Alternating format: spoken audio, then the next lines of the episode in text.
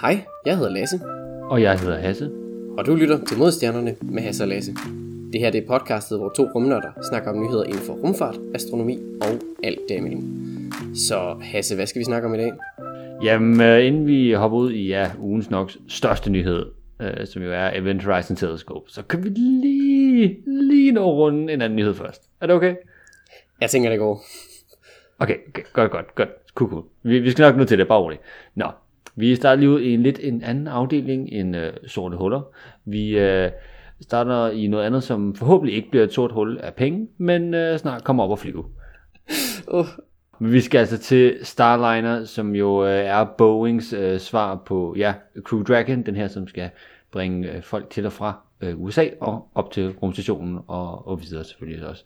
Så det er jo deres ja, Orbital Flight, øh, Test Flight 2, øh, der har jo været den første, som var uden et crew, og det kommer øh, Orbital Test Flight 2 også til at være.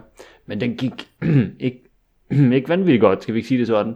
Der var der problemer. uh, det, var, det, det var ikke just en, øh, en, en kæmpe succes. Og Men, men den nye her, der er noget med, med de samme ventiler som sidst, der vist har været lidt et problem. Ja, lige præcis, fordi det, øh, ja, sidste gang, det var tilbage i 2019, der var lidt problemer med, øh, de har, der, der er en masse ventiler ombord, fordi der er en masse mekanik, og der er gasser og alt muligt, jeg skal komme efter dig. Og problemet var, at i nogle af de her ventiler her, så blev de altså simpelthen blokeret op, og man kunne ikke helt forstå, hvad der lige var gået galt. Der har været en masse undersøgelser undervejs, der har også været en masse softwarefejl og sådan noget, det har de også kigget på. Men ideen er altså, at de, de her ventiler har voldet store problemer, og det virker til, at det har været en kombination af brændstoffet, øh, at der så har været en lille smule mærkelig belægning på indersiden af de her ventiler, og så selve ventilerne, der er lavet af aluminium. Den der kombination der, den, den har ikke lige været fantastisk. Ja, jeg så, der var et eller andet med, at, øh, at når det reagerede med, med det, det vand, der ligesom var i luften, så, øh, så skabte ja. det en eller anden, altså det var ikke helt en svejsning, men altså det fik dem virkelig til sådan at, at, at sætte sig helt fast, så de der ventiler, de bare slet ikke kunne fungere. Ja, og, og hvis der er noget, man gerne vil have, der skal virke i rummet, så er det bevægelige dele. Men det kan nogle gange godt være lidt svært. Ja, hvis det så ikke engang virker på jorden, puha, så øh, Ja. det er oppe bakke. Men i hvert fald, der er nu kommet dato for. Det er øh, i skrivende stund om et par dage. Det er den 19. maj. Så skal den altså på en, øh, en tur op til ISS. Og det, øh, det bliver igen, som jeg sagde, en ubemandet tur. Og men der kommer til at være en form for passager. Jeg ved ikke helt, hvordan vi skal... Det, det er en dukke, der hedder Rosie. Ah, okay, så, så der er ligesom nogen med, men måske ikke lige helt, øh, som man regner Ja. med. Det er en, en mannequin-dukke fyldt med sensorer til ligesom at, at måle forskellige ting op igennem uh. øh, atmosfæren og hele rejsen derud, så man er sikker på, at den også er, hvad man siger, rated til, til, til mennesker. Jeg forestiller mig virkelig sådan en crash test dummy med de der øh, gule og sorte sådan, skiver, der er rundt om, om, omkring det hele. Det er, det er lidt der, vi er henne af, ja. Altså, der er, det er ikke helt sådan, men det er meget tæt på. Det, det vil jeg gerne sige. Vi skal nok måske lige lægge et billede af, af Rosie i, i noterne, så kan I se, hvad, hvad er det lige for noget, der skal med ombord på, på den her ja, Overload Test Flight 2. Øhm, der kommer også til at være en masse cargo, altså en masse ting og sager, der skal med op til ISS, omkring 250 kilo. Og så skal de altså derop og lige have en, øh, ja, cirka 5 dages tid, en lille uge.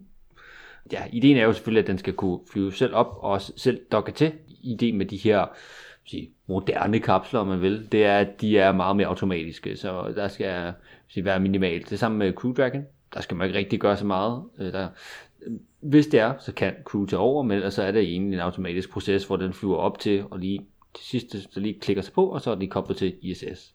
Yes, altså den, den er vel automatiseret ind til, til rendezvous, og så når den så rent faktisk skal kobles til, så tager de vel over, fordi det er en ret, øh, en ret sådan, ja, finfølgende proces. De bruger tit den der, øh, den store arm, Canada-arm, til ligesom at justere den ind til allersidst, right? Ikke her. Øh, Det her Starliner bliver en øh, automatisk docking. De kommer også til at bruge et nyt system fra, fra NASA af op til, til stationen. Okay, ja, fordi for eksempel med Cygnus-kapslerne, der har man jo, øh, der har de jo bare flået hen til, og så har man så ligesom grebet den med, med den der robotarm, og så sat den hen til, til dockingstationen. Lige præcis. Øh, og det, det, er også, jeg vil sige, det er jo en lidt mere sikker måde på de der lidt ældre kapsler, så kan du bare ja, tage fat i den og selv styre den ind. Men øh, med, de, med de nye her, der, så, der er det så, så automatisk, at det, det kører simpelthen bare sig selv. Alright, smart. der er selvfølgelig, de tager nogle stops, og især når det er første turen her, så, så tager de det i etapper, og de tager det meget stille og roligt. Jo, jo, ja, det kunne man da håbe på. Ja, og så, øh, ja, efter de her fem dage, så er det ned øh, igen, og så skal man lande nede i New Mexico i øh, USA. Så lander man på jorden øh, med sådan en lidt ala Soyuz-kapsel med airbags under, så man lige sådan, lige, lige før man lander, så puh, popper lige nogle airbags ud under, og så lander man sådan rimelig blødt. Okay, det er, jo ikke, øh, det er jo ikke noget, de gør så meget i USA, det der med, med landinger på jorden. De har tit bare øh, pjasket det ned i havet, og så er det ligesom, øh, så er det, ligesom det. Ja, det er også typisk lidt nemmere at ramme ude i, ude i havet, for der, om du lige rammer 100-200 meter til den anden side, det plejer at være okay. Men at vinde på land, ja. så skal du have en meget stor ørken. Ja, hel, helst noget stort og fladt i hvert fald. Ja, ja. ja. Okay. Ja, det er jo derfor, man i, øh, ja, med, med Soyuz-kapslen, der er det jo ude i, er det Kazakhstan, der er stepper derude, der, der sker ikke så meget. Der er nogle, øh, nogle store, åbne, flade områder. Det er ja. også ok til at, at lande der, vil jeg sige. Yes. Og så, øh, ja, jeg ved ikke, om man skal, om, hvis man siger det, så, så bringer det uheld, men øh, ideen er så, at øh, en bemandet test altså skal være her sidst i år. Øh, men nu må vi jo så lige se, hvordan det går med næste test. Men altså, hvis det hele spiller. Ja, okay. Jeg øh, læste i øvrigt en artikel om, at, at Boeing de var ved at overveje, om de skulle jeg skal sige, redesigne de her ventiler fuldstændig, fordi de simpelthen havde forsaget så mange problemer tidligere. Ja, og der er også indtil videre her med Orbiter Test Flight 2 her, så bliver det de samme, der er blevet lavet nogle modif- små modifikationer til, men altså ja, der har været snak om også fra Boeing side af, skal vi bare tage, lave det med helt forbundet igen, fordi det er nok det bedste. Ja, det er jo sådan en, en long-term solution, eller hvad de kaldte det, for ligesom at, ja, altså, ja. fix det for good, hvis de sådan skal, skal lave de her opsendelser ofte i hvert fald. Det, det er ikke sådan helt vildt godt, at der er en, en fejl, man kender til, som man så bare lidt, lidt lader være med at fikse. Altså indtil videre, det de ja. har gjort for at holde, holde det ved lige, det er vel bare at åbne og lukke ventilerne en gang imellem, for at sørge for, at de ikke sådan fryser til. Ja, lige præcis. Det har været det før. Nu er der blevet lavet lidt nogle ændringer i, i den coding, der ligger på indersiden, og man har prøvet at sørge for, at der ikke kommer vand ind, fordi en af de ting, som jeg snakker om, det er, at der igennem, man siger, når man kommer op igennem atmosfæren, så er der vand i atmosfæren, og noget af det har simpelthen snedet sig ind i de her ventiler og har været et problem. Så nu har man prøvet at lukke dem lidt bedre til, øh, og gøre dem lige en tand mere tæt, og jeg krydser fingre for, at det holder. Men øh, ja, nu må, vi, øh, nu må vi se. Det er jo det, man har en, øh, en testflight til. Det, øh, det er jo det, der er formålet med sådan en. Spændende, spændende. Jamen, øh, vi, øh, vi følger med, og så øh, kan det være, at vi kan få lov at følge op på det her i, i næste uge måske, når de, yes. øh, når de er deroppe. Helt klart. Vi krydser fingre. Nå, fra et forhåbentlig ikke sort hul øh, i en raket til, øh, til et reelt sort hul, der var jo nemlig en, øh, en stor pressekonference her for ikke så forfærdeligt længe siden, hvor de simpelthen annoncerede det første billede af Mælkevejens supermassive sorte hul. Oh yeah, og det yeah. var lækkert. Det var nemlig rigtig, rigtig lækkert. Det var, det var EHT Event Horizon Telescope. De, øh, de havde en øh, pressekonference her i sidste uge, hvor de øh, simpelthen annoncerede deres banebrydende data og observationer, de havde, havde gjort sig. Så der er så tale om det sorte hul, som vi kalder Sagittarius A-stjerne. Det er sådan lidt misvisende, men det, det har så ikke noget med en stjerne at gøre. Det er, det er et sort hul. Og det, øh, der har man altså fået, øh, fået taget det her billede her. Dataene har man faktisk øh, taget tilbage i 2017, så det er ja, meget gammelt efterhånden. Man tog det faktisk samtidig med, med det data, man brugte til at lave billedet af M87-stjerne, som var det, det første billede af sort hul, vi ligesom fik. Det snakkede vi også om sidste gang, det er så, ja, så fra cirka samme tid som, øh, som det data her, så fra april 2017. Ja. Der har man altså, fra det data her, har man nu endelig fået bearbejdet det, så man rent faktisk har et, øh, et billede, man kan se. Og det, øh, det er så rimelig blæret. De lavede sådan en sej video, hvor de øh, man ligesom havde sådan det meste af mælkevejen, man kunne se, og så zoomede de ligesom ind. Og så, øh, så kunne man sådan se, at man ligesom kom, kom nærmere og nærmere. Det, øh, det var rimelig blæret. Ja, jeg tænker, vi, vi lægger lige et link til den her video, for det er, uh, det er en lækker video. Altså, de ved, de ved lige, hvordan de skal servere den. Det er bare, det er, ja tak. Ja, det er pænt sprødt. De går selvfølgelig fra, fra visuelt først, så zoomer de ind, så går man over i nærinfrarød, infrarød, og så det sidste over i submillimeter, som sådan er. Ja, der begynder det at blive radio. Øh, og det er så her, vi har billedet, det er det her, ja, sådan submillimeter radio frekvensbånd her. Øh, så det er altså ikke visuelt lys. Hvis man kigger ind mod det her område visuelt, så ser man bare, ja, hvid der er så mange stjerner, man simpelthen kan, kan se igennem. Men det kan man altså med, med det her infrarød. Der er jo også en masse støv og gas og sådan noget. Det, det fjerner så også meget af, af det lys, man vil se derindefra. Så, så man kan altså kun rigtig observere det, hvis man går ud i, i de her ret lange bølgelængder. Ja, ja så når man kommer ud i det her radio, det er så det er der, hvor det begynder at spille, og så, men så skal man så til gengæld også op i de her, ja, øh, syntetiske øh, teleskoper er det jo egentlig på en eller anden måde, at man sætter alle de her forskellige radioteleskoper sammen til at fungere som et stort. Det er jo øh, det hele, der er, det er creme eller creme i det her. Nemlig. Princippet her, det hedder øh, VLBI, det er Very Long Baseline Interferometry, og det er så, at man, man kombinerer lyset fra, eller lyset, ja, signalet fra forskellige teleskoper sådan i par rundt omkring på jorden. Det er mest på den, ja, hvis man ser på, en, øh, på et kort, så er det den vestlige side af jorden. USA, Hawaii, Antarktis, Grønland, øh, den, den her del af verden. Øh, og der, der kigger, og undskyld, også i Spanien for den sags skyld, og der kigger man altså på det her område med, med alle de her teleskoper. Kombinerer alt lyset, og så kan man ved, ja, en rimelig øh, møjsommelig proces, I, I godt selv se, hvis vi har taget de her data i, i 2017, så har det altså taget nogle år at komme frem til de her resultater her. Men, øh, men det har så, øh, det har så lykkedes os nu, så nu har vi billeder af to sorte huller. Og det er jo, altså det er vanvittigt. Og det er også, jeg var, det første billede fra M87 stjerne er jo sådan, ja, det ligner en, en pæn cirkel på en eller anden måde. Den er sådan en rimelig uniform. Ja, det, det er sådan lidt en donut på en eller anden led. Ja, og den her, den er jo helt anderledes inde i vores eget lille mælkevejen her. Det, er jo, det ser jo, ja, det er jo sådan et, et average, altså gennemsnit over nogle dage. Fordi problemet er, at hvad sige, med vores sorte hul, det er jo, at den gas, der er derinde, den bevæger sig sådan jævnt hurtigt rundt om, øh, om det her kæmpe store sorte hul. Ja, vi snakker sådan øh, altså minutter af, sådan af kredsløb rundt om. Det, det, det går meget, meget hurtigt. Det, det bevæger sig ja. næsten med lysets hastighed, så det er, der er fart på. Yes, og så er der så også øh, i M87, der er vi altså oppe i nogle uger, og det er altså fordi øh, det sorte hul i M87 er meget, meget, meget, meget, meget større end det, vi har inde i vores øh, lille mælkevej. Ja, så, så, så hastigheden af gassen er, er stort set sammenlignelig. Det er bare altså, kredsløbet, det bevæger sig rundt i det her lys her. Eller ja, kredsløb. Et måden lyset bevæger sig rundt på, det, det skal bevæge sig betydeligt længere. Så, så derfor så, øh, så altså, hastigheden er, er næsten det samme. Det, det er bare størrelsesforholdet, der ligesom er, er lidt forskruet her. Lige præcis. Så det er, det er ja, det er, det er et mystisk... Øh og kunne se forskellen på de to, og så tager man simpelthen et gennemsnit over et par dage, fordi ja, det, det går så hurtigt, så det, øh, det giver ikke mening, om man, man sige, tager et snapshot, fordi det kan godt til ændret ændre ud, så tager, to det, man sige, næste dag, så vil det se anderledes ud. Så man tager sådan et gennemsnitsbillede, og så får man, der er så nogle af de her tre af de her sådan nogle, ja, hotspots, hvor det er ekstra meget lys fra. Øh, det, ja, når I ser billedet, så vil I øh, meget hurtigt lægge mærke til, at der er en, tre øh, øh, hvad man siger, pletter, der lyser meget mere op end det omkringliggende. Og det er det, man får, når man tager et gennemsnit, så vil der nok være noget, der stikker ud. Øh, og det, ja, det vil nok anderledes ud, hvis du tog et, øh, man sige, et gennemsnit over nogle andre målinger, så vil, du, så vil den man kan sige, trekant, eller de tre punkter der, det måske ligge på en anden måde, eller være lidt for skudt fra hinanden. Ja, det er hvordan det lige er.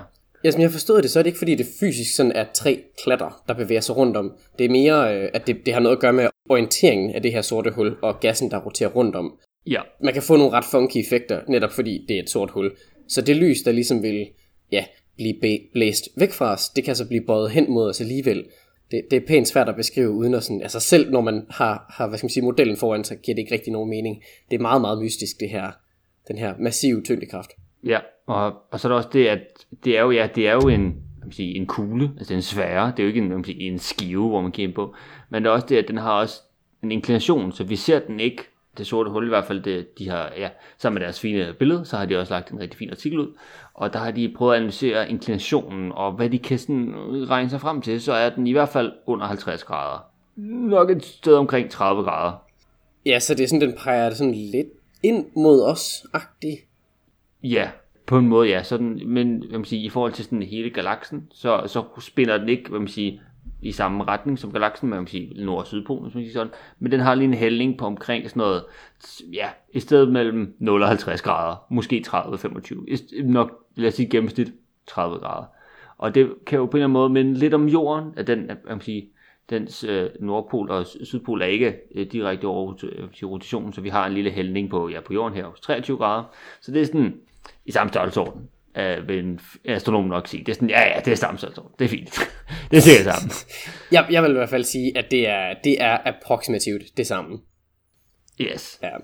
Ja, så det er jo, så man ser simpelthen ikke det sorte hul lige på, man ser lidt på sådan på, med en vinkel på, og så samtidig med, at det er et sort hul, og lys bliver bøjet på alle mulige mærkelige måder, så ja, så er det her altså et, et, et sjovt billede, men stadigvæk utrolig spændende. Det er øh, ret vildt. Og selve, ja, altså teleskopet, hvis man da kan kalde det det i gåseøjne, så, øh, så, så er det altså rimelig imponerende. Det er, det er jo, hvad, jeg tror det er 11 forskellige sådan, radioteleskoper, øh, placeret rundt omkring, som ligesom arbejder sammen, og sådan kombineret, så, øh, så er det ifølge dem selv, så er det cirka 3 millioner gange mere følsomt end det menneskelige øje. Øh, de brugte selv den analogi, at hvis man sad i en øh, biergarten i München, det er der deres hovedkvarter er i øvrigt, så, øh, så ville man kunne se en, øh, på en øl i New York, der ville man kunne se boblerne. Så, øh, så fint følsomt er det her, øh, det her teleskop, altså sådan i, i vinkeludstrækning. Jeg kan godt lide, at deres journalistenheder er lidt vildere end den normale journalistenhed. Ja, vi, øh, vi tager lige boblerne på en bajer øh, på den anden side af jorden. Ja. Lige præcis. Det er, at det er pænt vildt. Der var jo også tale om, altså nu var de her data jo taget i, i april i 17. Øh, det har man gjort over fem observation runs. Det er ikke sådan direkte oversat til dage, men, men lidt. Øh, fordi det netop er så. Det er jo forskellige steder på jorden. Der er tale om 6.000 terabyte data. Okay. Og det, det er altså ikke noget, man sender over, over internettet, så det har de været nødt til at sende i sådan, ja, altså store blokke af harddiske, der sådan skal afsted øh, ind til deres, deres center ved, ved ESO. Så det er så, øh, ja, bøvlet. Okay, så for dem har det været hurtigere, i stedet for at sende filerne, øh, jeg ligger lige på Dropbox, du henter det lige, yep. så har man lyttet helt ned på nogle harddiske, taget harddiskene, fysisk flyttet dem over til supercomputerne, og lavet regne på det. Simpelthen. Åh, oh, var det godt. Det er, øh, så ved man, at der er tale om meget data. Altså sådan fair nok, hvis du kan købe en terabyte data på, øh, på Dropbox, men du har 6.000, og altså, du vil helst gerne have det mere end bare sådan en gang. Så det er altså øh, det er en, en, en langsomlig proces. Vildt nok. Okay, det kan jeg godt lide. Det er lidt sådan, når internettet er for langsomt, så gør vi det på den gode gammeldags måde. Lige præcis. Okay. Lige præcis. Ja. Oh, ja. Ja, I øvrigt også, så øh, bare lige sådan for, at man kan få lidt en, øh, en størrelse af, hvor meget det her det fylder her, øh, det her sorte hul sådan på himlen, øh, så svarer det lidt til at sådan have en, øh, en almindelig sådan gennemsnitlig donut. Den er været 10 cm eller sådan noget på tværs. Ja, yeah, yeah. sådan, sådan rundt regnet. Hvis du tager den, og så lægger den op på overfladen af månen, og så prøver at kigge på den her fra jorden. Det er cirka samme sådan vinkeludstrækning, det her sorte hul har på himlen. Okay, det er meget, meget, meget, meget, meget, meget lidt. Yes, og øh, ja, de, de sagde selv, at det var lidt ligesom at tage et billede af et løbende barn om natten. Øh, sådan i det her med, med den gas, der bevæger sig rundt om, at det bevæger sig så hurtigt. Øh, så sådan overall er der ret mange komplikationer ved det her. Øh, og det, det er så også derfor, det, det har så taget pænt lang tid og virkelig, virkelig meget computerkraft at komme frem til det her billede. Man har lavet en hel masse modeller over, hvordan er det, kan det muligvis være, at det, at det er orienteret, og hvordan kan det muligvis være, at gassen den drejer rundt i det her øjeblik. Og så prøver man ligesom at modellere de her forskellige ting, og hvis ikke det lige passer på det billede, man så rent faktisk har, så prøver man at modellere det igen. Og det har så taget, øh, ja, taget rigtig, rigtig lang tid. Men øh, hvem ved, det kan være, det giver en øh, Nobelpris at, at tage det her billede. Det, øh, det gjorde det sidste jo, så øh, who knows?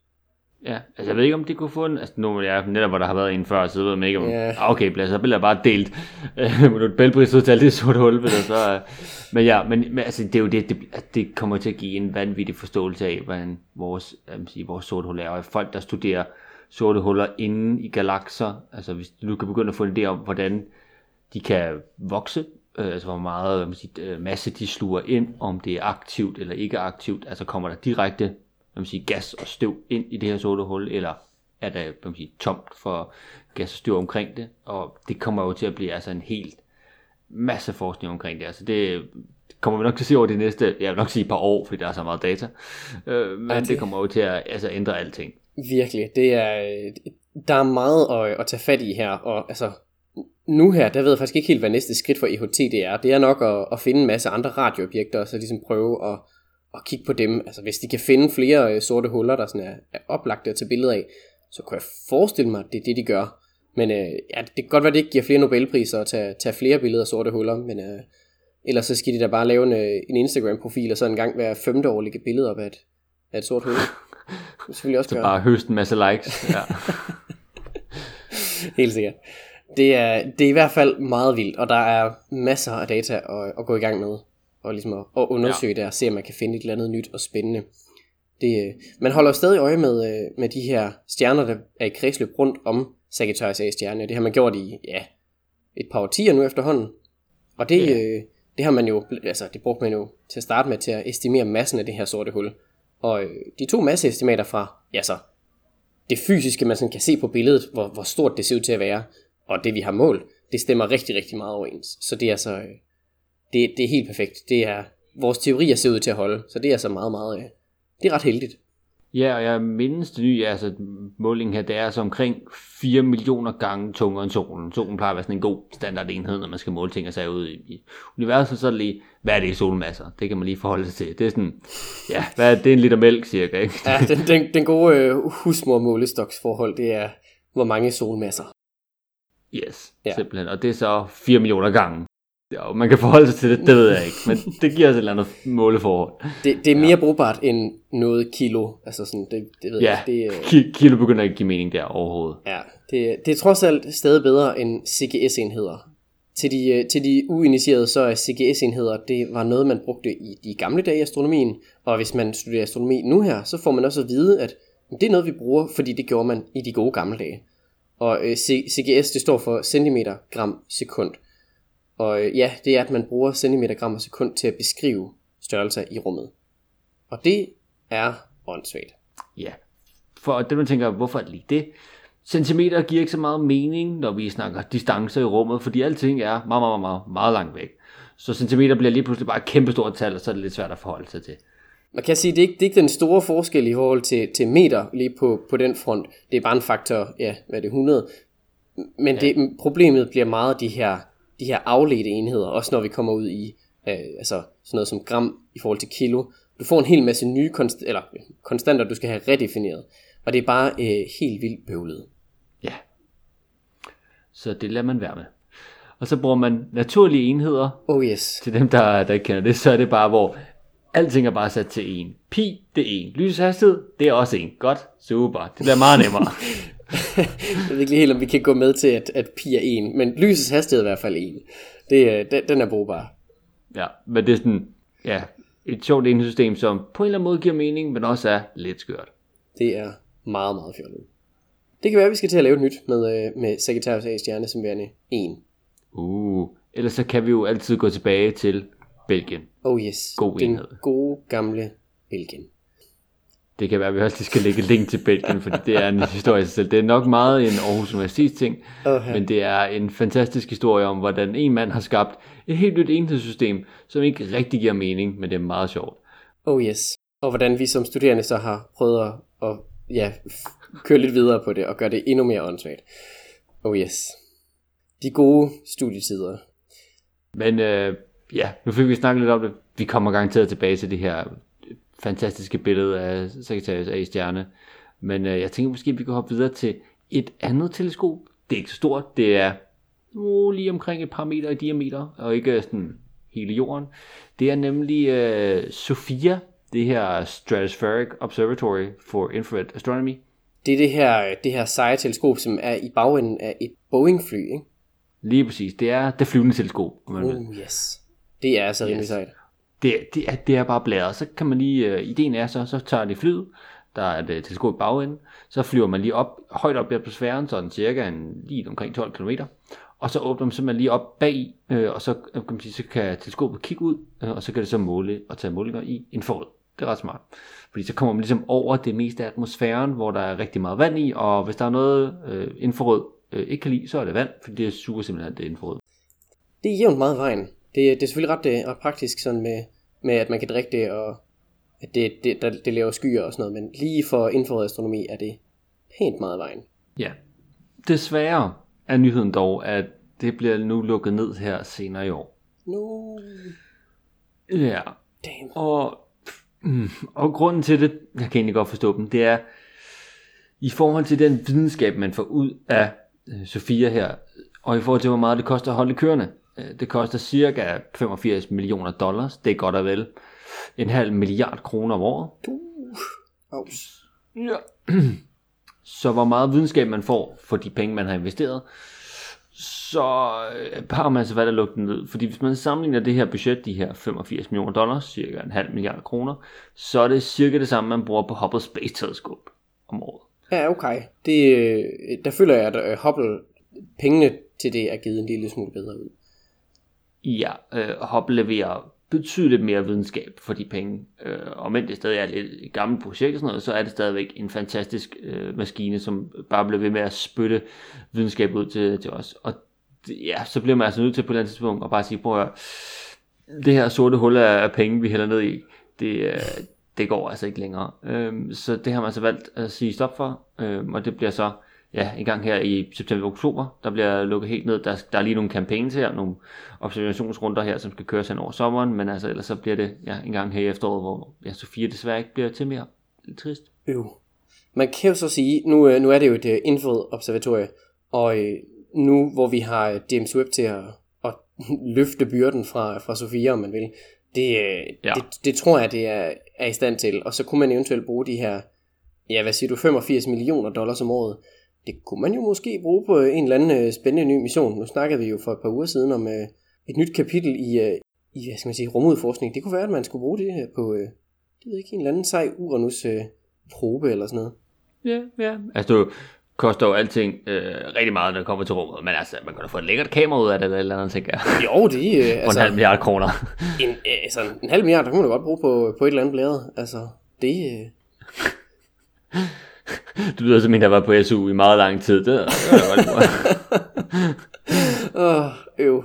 Ja, det, ja. Det, det er det vist. Men to be honest, altså man kunne virkelig bruge, uh, bruge de her penge på, på et eller andet, uh, en eller anden sej ny, ny rummission. Det er cool at have et teleskop i bagenden af et fly, men det er også en lille smule upraktisk. Meget, meget sejt ja. teleskop, og lidt en skam, at det, at det ikke skal, skal være længere. Vi kan jo meget passende gå fra et teleskop, som skal ned til noget, som måske snart skal op. Fordi øh, Astra, det her amerikanske raketfirma, de er, de er gået i gang med at udvikle deres øh, Rocket 4. Uh, skal den øh, lige op, eller skal den øh, lidt op, lidt til siden, og så op, eller hvordan er det lige, Master? Åh oh, nej, åh oh, nej. Ja, her der bliver der refereret til, øh, til en af Astras tidligere opsendelser, hvor at de, ja, normalt så en raket, den fører jo ret meget øh, bare sådan lige op. Øh, herved der fløj den sådan lige en god sådan, ja, 10 meter til den ene side, og så fløj den opad. Øh, som et eller andet taget ud af Kerbal Space Program. Øh, nej, forhåbentlig ved den nye her, der skal den ret meget bare lige op. Der er tale om vertical takeoff. Som jeg har forstået, så skal det vist være en uh, totrins raket. Ja. Måske endda genbrugelig, så vidt jeg lige kunne, uh, kunne læse mig frem til. Uh, den er jeg ikke helt sikker på endnu. Men de har lige annonceret nogle, hvad skal sige, sådan, nogle, nogle detaljer omkring den her. Øh, blandt andet om dens payload til, til orbit.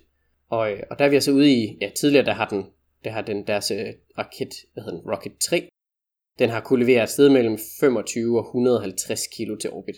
Øh, den her, den skal kunne levere omkring 300, så et, øh, et ordentligt okay. hop opad.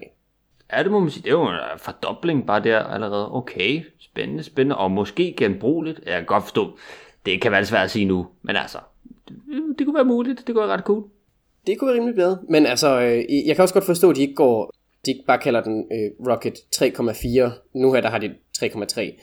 Der er ret mange ændringer. Altså, størrelsen bliver sandsynligvis noget anderledes. Øh, de går fra at have fem af de her Delphin-motorer til at have to af en eller anden ukendt type, øh, som de har været ved at udvikle på, som åbenbart skulle være, være bedre. Og så, øh, og så skal den altså, ja, kunne løfte en, en del mere. Øh, størrelsen er vi som sagt ikke rigtig, øh, det ved vi ikke rigtig noget om endnu, men øh, den bliver sandsynligvis noget større. Altså, vi er jo stadig ude i en af de her små raketter, hvis man kan sige det på den led. Ja. Men øhm, Nej, det er, det er jo altså, ja, det er de her små 300 kilo til orbit, ja, hvor, som du siger, altså en Falcon 9, der er vi altså lidt oppe i en lidt anden størrelse. Det her, det er til, til, til de små øh, ture, hvor det simpelthen er, ja, er lidt billigere, hvis man bare lige skal op med en CubeSat, eller lige en lille mindre satellit, så, øh, så kan det være nemmere at hoppe på sådan en lille fyr her, og så tager man en tur i rummet. Det er lidt det, der, der er hele pointen. Det, øh, det skal nemlig være den der, man, øh, man kan bestille, og så kan man en uge senere basically have sin, øh, sin lille raket, og, og den skal gerne kunne, kunne fragtes rundt i ja, altså en skibscontainer eller et eller andet. Så, så den kommer sikkert til at være enormt stor.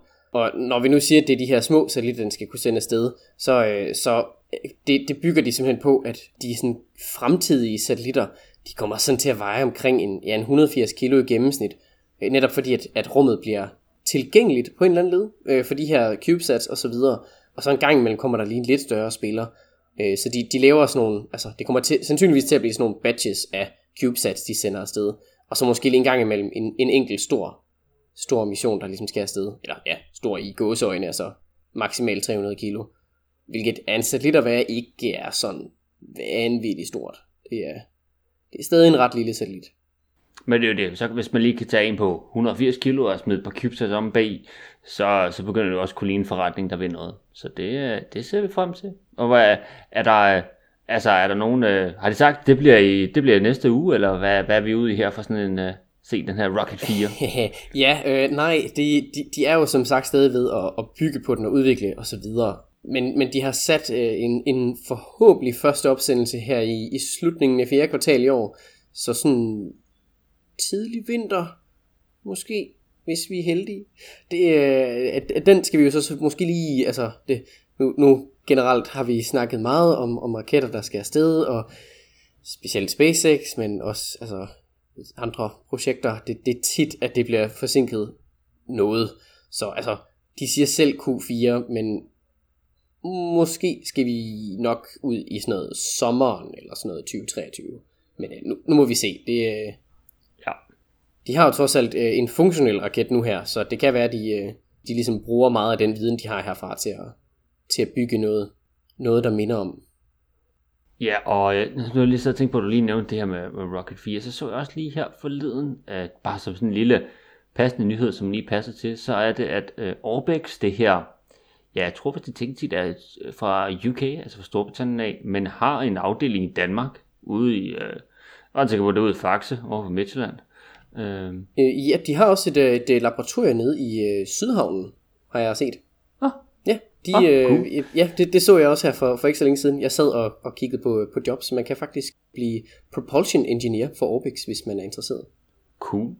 Men i hvert fald deres øh, ja, første rigtige raket, der hedder Prime, den har de nu lige vist i en fuld størrelse på deres øh, opbygningssite over i øh, UK.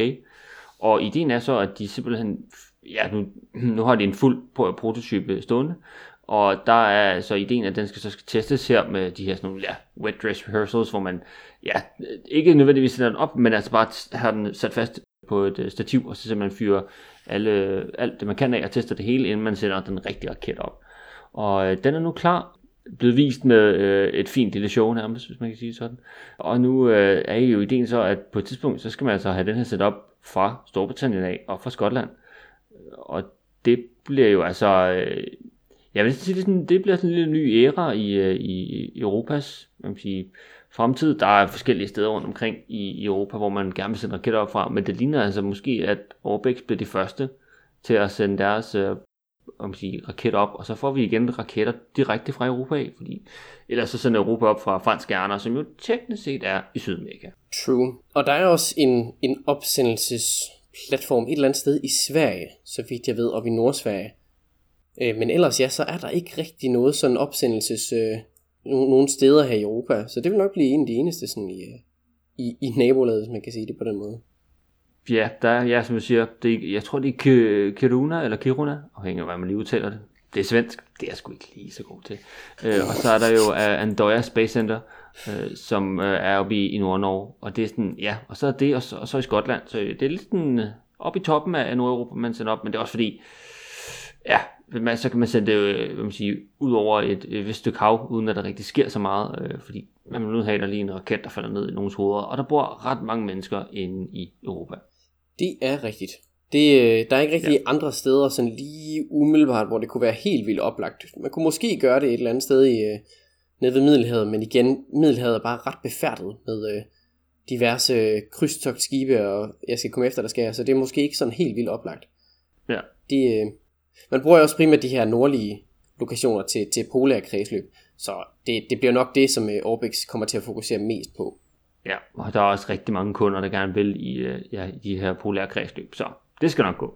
Ja, jeg tænker, der, der kommer til at være rigelig, rigelig øh, salg der for, for jordobservationer. Det er jo, det er jo ret oplagt at gøre det fra, fra polære kredsløb. Så får man lov at se ja, hele, hele jordens overflade, i stedet for kun, kun noget af det. Så Det, det giver jo egentlig ret fin mening. Men ja, det var bare lige en lille nyhed til, til Astras også, sådan at der kommer også lidt konkurrence på, om man vil. Nu må vi ligesom komme ind i det her. Det er lidt, uh, lidt cool. Nå, og med det, så tror jeg ikke, jeg har så meget mere til jer den her gang. Så jeg vil bare sige tak, fordi I lyttede med. Hvis I har ris, ros, ting vi skal snakke om, øh, flotte billeder af raketter, eller et, øh, et CV, vi lige skal kigge igennem, så du kan sende din ansøgning til Orbix, så, øh, så send det til os i en mail på modstjernerne Du kan også slide into our DM's ind på Instagram, hvor du selvfølgelig også kan følge os. Og så kan du selvfølgelig også følge podcastet på din yndlingspodcast tjeneste. Vi snakkes ved næste gang.